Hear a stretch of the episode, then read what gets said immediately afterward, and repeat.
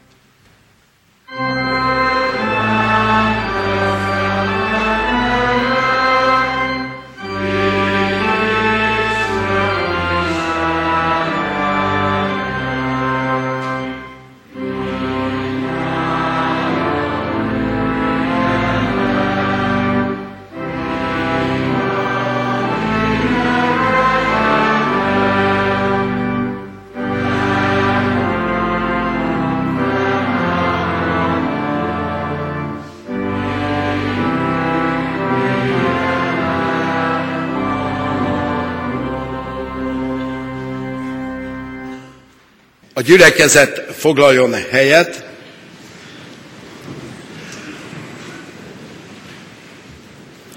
És énekeljük testvéreim a 168. dicséret első három versét. A 168. dicséret első verse így kezdődik, Ó, Atya Isten, irgalmas nagy Úr!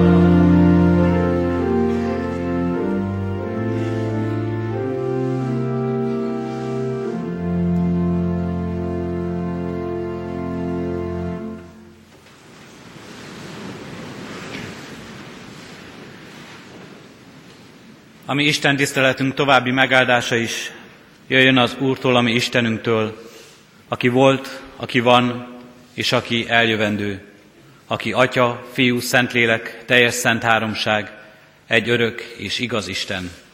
Amen. Kedves testvérek, hallgassátok meg Isten igéjét, a feltámadás evangéliumát, amint szól hozzánk Márk evangéliumának 16. részéből, az első nyolc versből. Amikor elmúlt a szombat, a Magdalai Mária és Mária a Jakab anyja, valamint Salómé illatos keneteket vásároltak, hogy elmenjenek és megkenjék Jézus testét. A hét első napján, korán reggel napkeltekor elmentek a sírbolthoz, és erről beszéltek egymás között.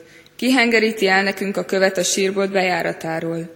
Ekkor felnéztek, és látták, hogy a kő el van hengerítve, pedig az igen nagy volt.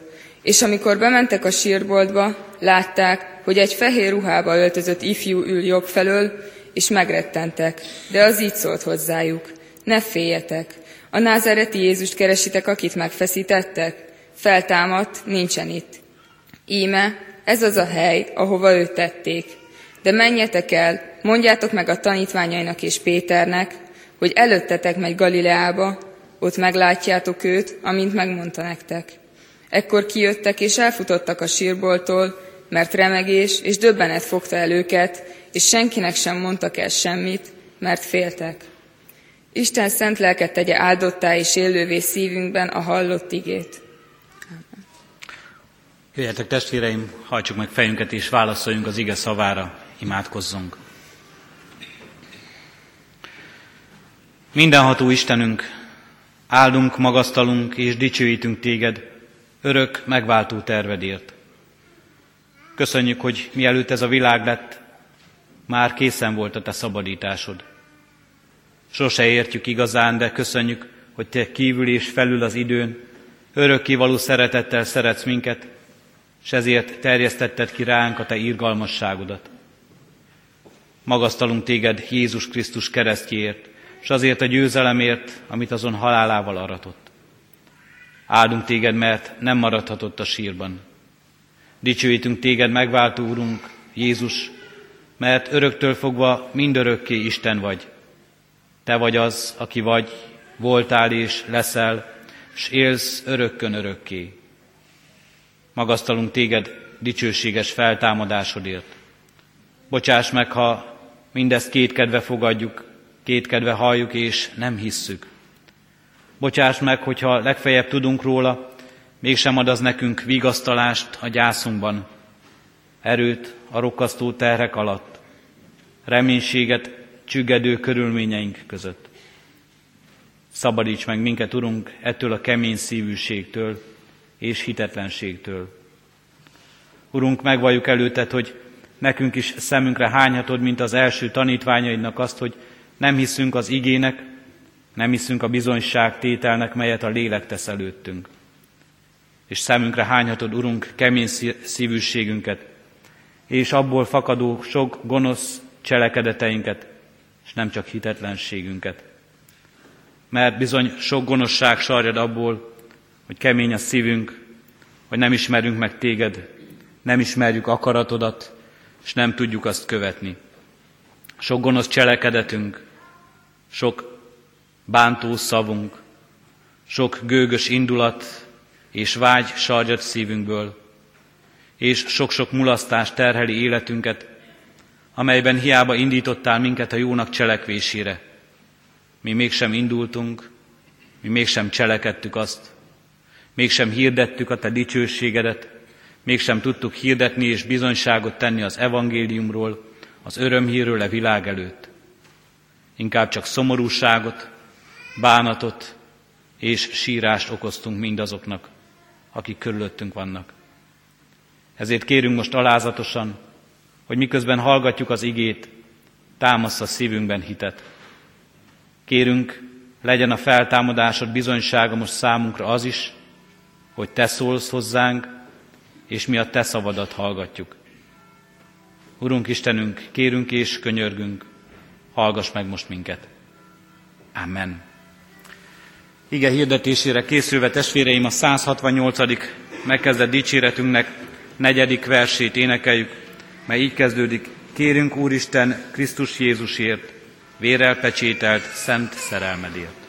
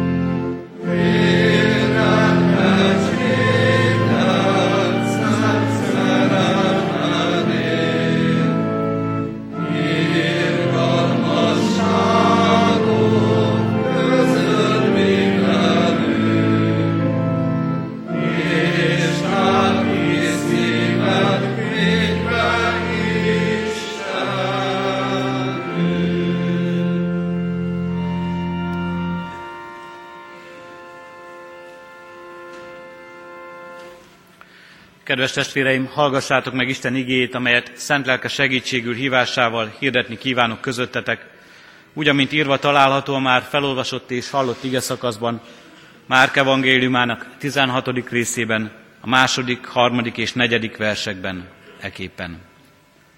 A hét első napján, korán reggel, napkeltekor elmentek az asszonyok a sírhoz, és erről beszéltek egymás között. Kihengeríti el nekünk a követ a sírbolt bejáratáról. Ekkor felnéztek, és látták, hogy a kő el van hengerítve, pedig az igen nagy volt. Eddig az írott igen.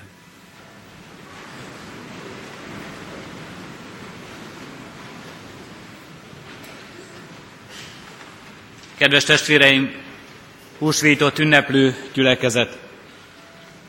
Olyan kedves ezeknek az asszonyoknak a nagy készülődése, ahogyan korán reggel ébrednek és kelnek, szinte alig tudják kivárni a napfelkeltét, hogy indulhassanak a temetőbe, hogy elmenjenek arra a helyre, ahova Jézus Krisztust helyezték, ahova eltemettek, eltemették őt, az Arimátiai Józseftől kapott sírhelyre, sziklába, sziklába vált kis sírbarlangba. Keneteket vásárolnak, hogy elvégezzék a test megkenését, bebalzsamozását, hogy ha Krisztus már nincs is itt velük, de a testet, a testét minél tovább megőrizzék. Végtisztességet akarnak tenni a test előtt, Krisztus emléke előtt.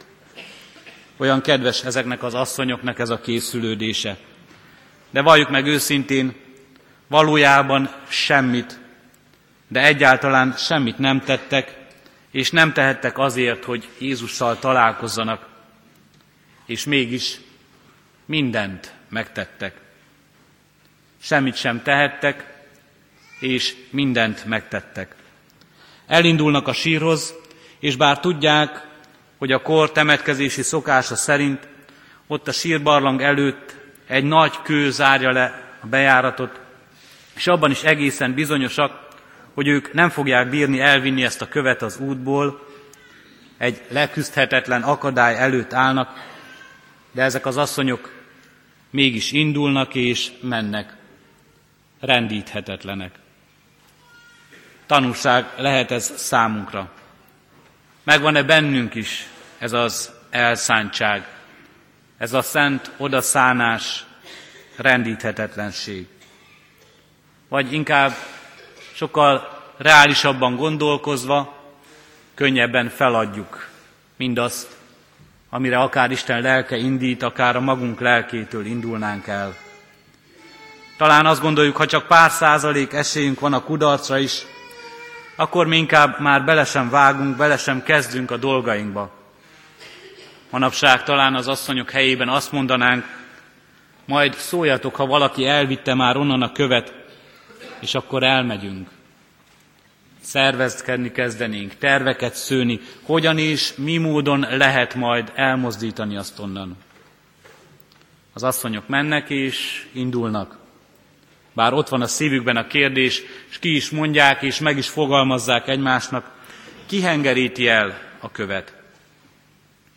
Ott van az útban, ott van az útban ez a kő. Nem lehet mozdulni tőle, nem lehet odaférni Krisztushoz, nem lehet megtenni azt, amire a szív indít, nem tehetik meg azt, amit szeretnének.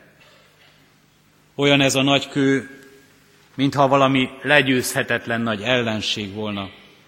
Nem csak fizikai mi voltában nagy, nehéz, mozdíthatatlan, hanem ahogyan olvassuk, és ahogyan erről gondolhatjuk is, szinte már-már jelkép is ez a kő. Jelkép a maga mozdíthatatlan súlyával kiábrázolhatja életünknek minden leküzdhetetlen keservét, mindazt, amire úgy tekintünk az életünkben, hogy az változtathatatlan dolog.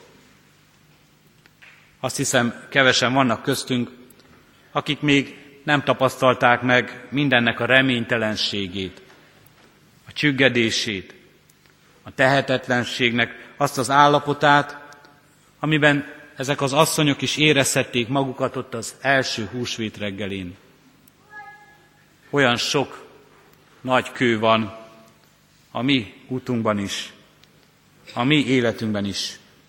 Olyan sok lehetetlenül nagy kő van, amely szembe állít minket azzal, hogy mi milyen kicsik vagyunk, milyen kiszolgáltatottak vagyunk, mennyire tehetetlen az életünk.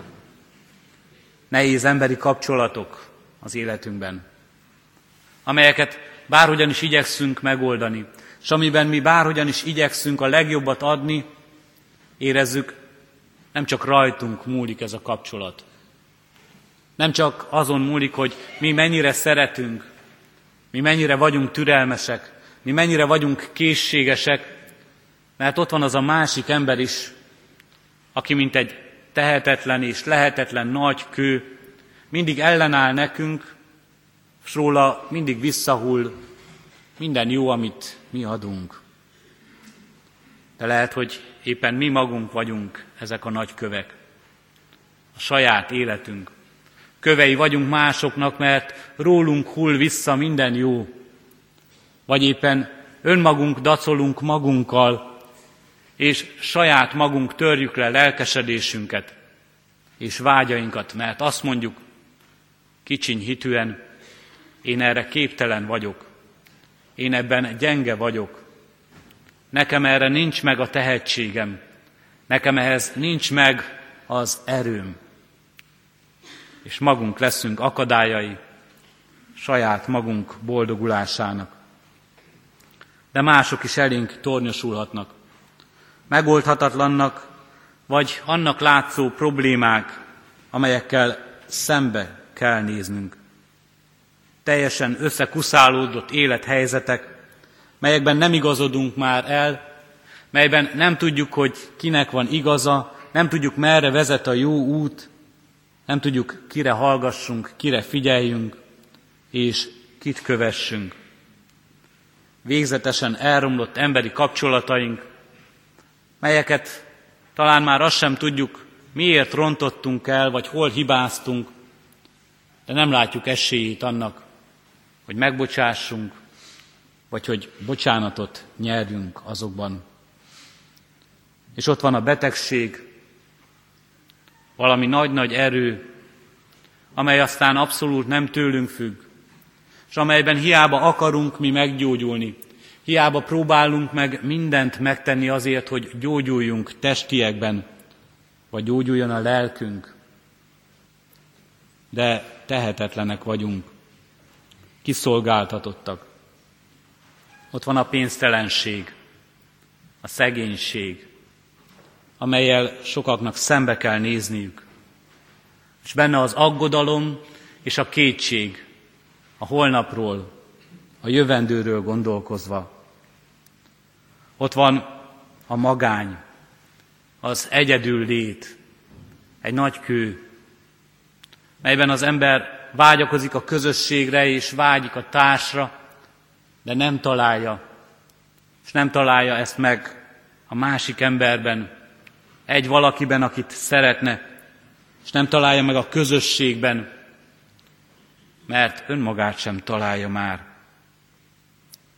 Ott vannak a csalódások, melyek elkísérnek minket végig egész életünkön keresztül.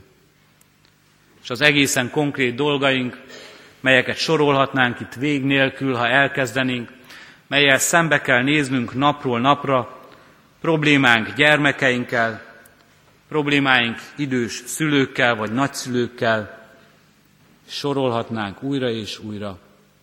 Problémánk a munkánkkal, melyben sikertelennek érezzük magunkat, melyben motiválatlanok vagyunk, melyben azt érezzük, hogy kevesek vagyunk. És a probléma sokak számára azzal, hogy nincs munkájuk, hogy szeretnének dolgozni, de nem kellenek senkinek úgy érzik, hogy fölöslegesnek érzi magát az ember ebben a világban. Mennyi-mennyi ijesztő, és félelmet keltő hatalmas kő az életben, melyel az ember szembesül, és melyben azt látja tehetetlen és kiszolgáltatott. Félelem és gond, a világ bizonytalansága, ami beszivárog a lelkünkbe és megmérgezi, néha még a hitünket is, és inkább a kétséget ébreszti föl bennünk. És bizony sokszor megvan minden okunk arra, hogy szorongva kérdezzük egymástól meg, és szorongva kérdezzük meg magunktól is, a választ sem várva talán. Kicsoda hengeríti el nekünk ezt a nagy követ? Kicsoda hengeríti el ezt a nagy problémát az útból, amelyel mi tehetetlenül állunk szemben. Ó, de sokszor halljuk talán egymástól is, nem bírom tovább, képtelen vagyok rá, feladom, nincs jövőm. Olyan kövekkel kellene megbírkóznunk, amiket tényleg nem tudunk elhengeríteni az útból. Nem rajtunk áll, nincs hatalmunk felette. És ott van a végső kiszolgáltatottsága az embernek, amelyet mindannyiunk, amely mindannyiunk életét beárnyékolja, és vannak, akiket egészen közelről érint időről időre, és vannak közöttünk is most olyanok sokan, akik a gyász terhét úgy hordozzák a szívükben, mint nagy követ, és képtelenek szabadulni attól, képtelenek letenni azt. Nincs felszabadulás, azt látják, azt érzik, és azt látja valójában minden ember maga előtt, hogy ott van az a nagy kő, a végső, az elmúlás, és az annak való kiszolgáltatottság, a halál. És kicsoda hengeríti el ezt a nagy követ. Csak az a vég, csak azt tudnám feledni, írja Madács az ember tragédiájában. Talán az ember úgy gondolja, ha elfelejti, ha nem gondol rá, akkor nem lesz ott az a kő.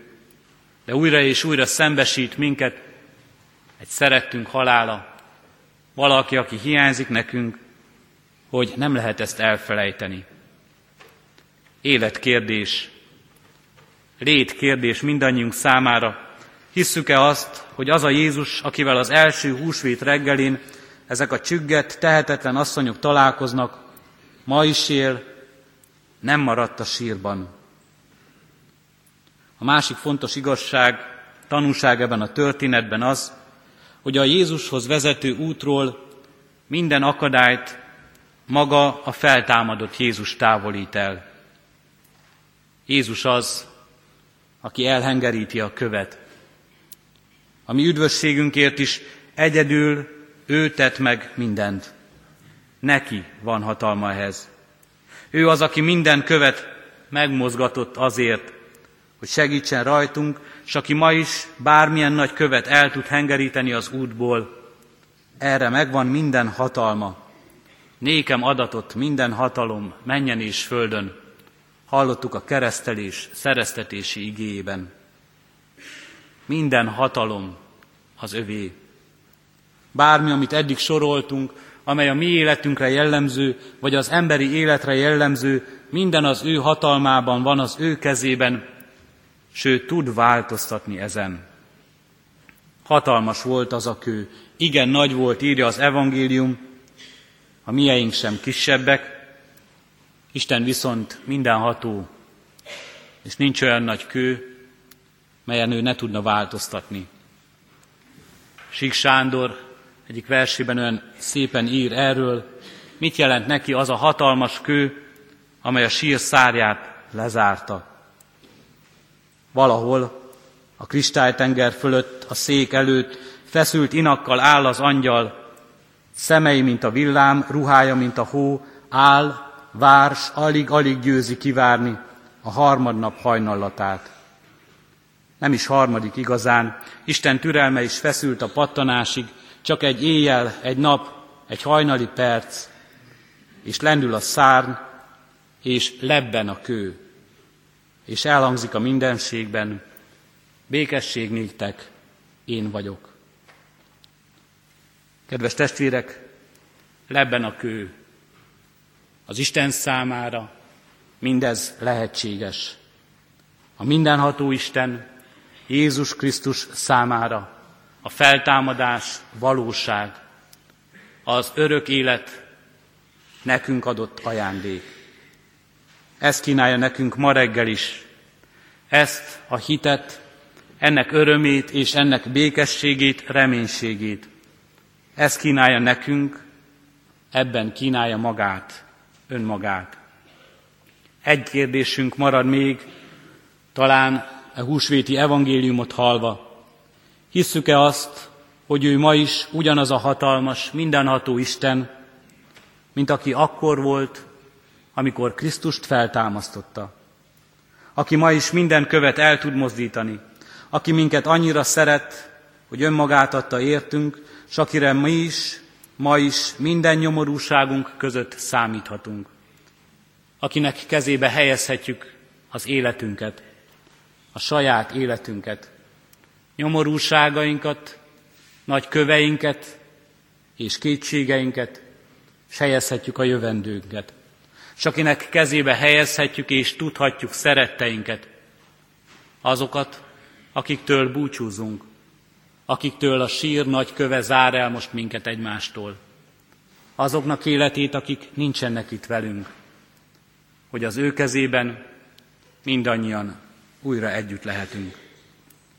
Kívánom, hogy a húsvét reggelén elhengerített kő jelentse nekünk is azt a győzelmet, amit Jézus hozott, és boldogan valljuk, Jézus feltámadott, valóban feltámadott. Így rajtunk az övén sincs már végső uralma halálnak és elmúlásnak, mert ő már mindezt legyőzte. Erősítsen meg ebben minket a húsvéti evangélium, és erősítsen meg minket ebben az élő kapcsolatban a feltámadott Úrral és Krisztussal, az úrvacsora közössége. Amen. Erre készülve, testvéreim, most úrvacsorázásunkra készülve, hallgassuk meg a Kecskeméti Végmihály kórus szolgálatát. Jézus Krisztus szép fényes hajnal című művet Osváth Viktor feldolgozásában énekli a kórus.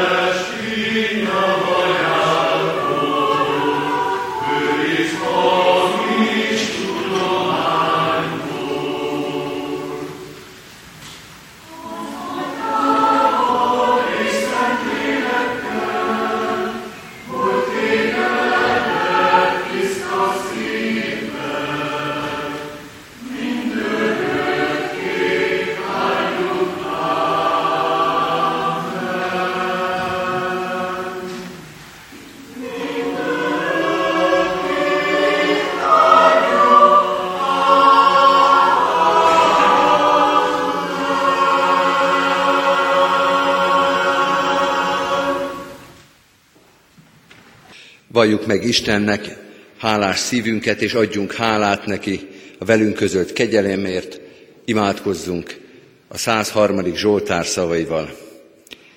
Áldjad én lelkem az Urat, és egész bensőm az ő szent nevét. Áldjad lelkem az Urat, és ne feledd el, mennyi jót tett veled. Ő megbocsátja minden bűnödet, meggyógyítja minden betegségedet, megváltja életedet a sírtól, szeretettel és irgalommal koronáz meg. Betölti javaival életedet, megújul ifjúságod, mint a sasé. Irgalmas és kegyelmes az Úr, türelme hosszú, szeretete nagy. Nem perel mindvégig, nem tart haragja örökké.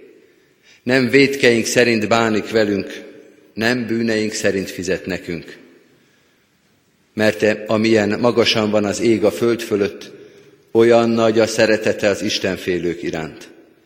Amilyen messze van napkelet napnyugattól, olyan messzire veti el védkeinket.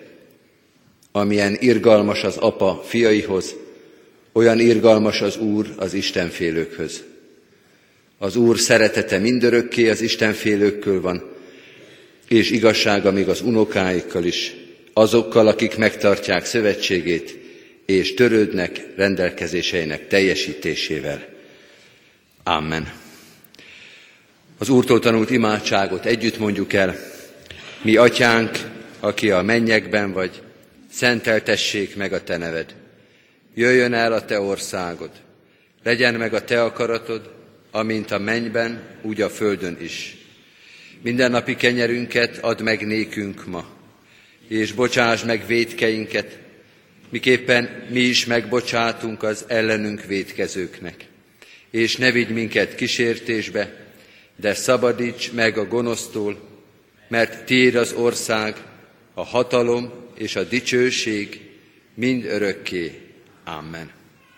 Hirdetem az adakozást, testvéreim, hálával áldozatok az Úrnak, és teljesítsétek a felségesnek tett fogadásitokat. Mindezek után Istennek népe, áldjon meg tégedet az Úr, és őrizzen meg tégedet. Világosítsa meg az Úr az ő orcáját te rajtad, és könyörüljön te rajtad. Fordítsa az Úr az ő orcáját te reád, és adjon békességet néked. Amen. Most pedig, kedves testvérek, énekeljük záró énekünket, a 354. dicséretünket valamennyi verszakával. 354. dicséretünk első verszaka így kezdődik, a Krisztust megfeszíték kegyetlen gonosz népek.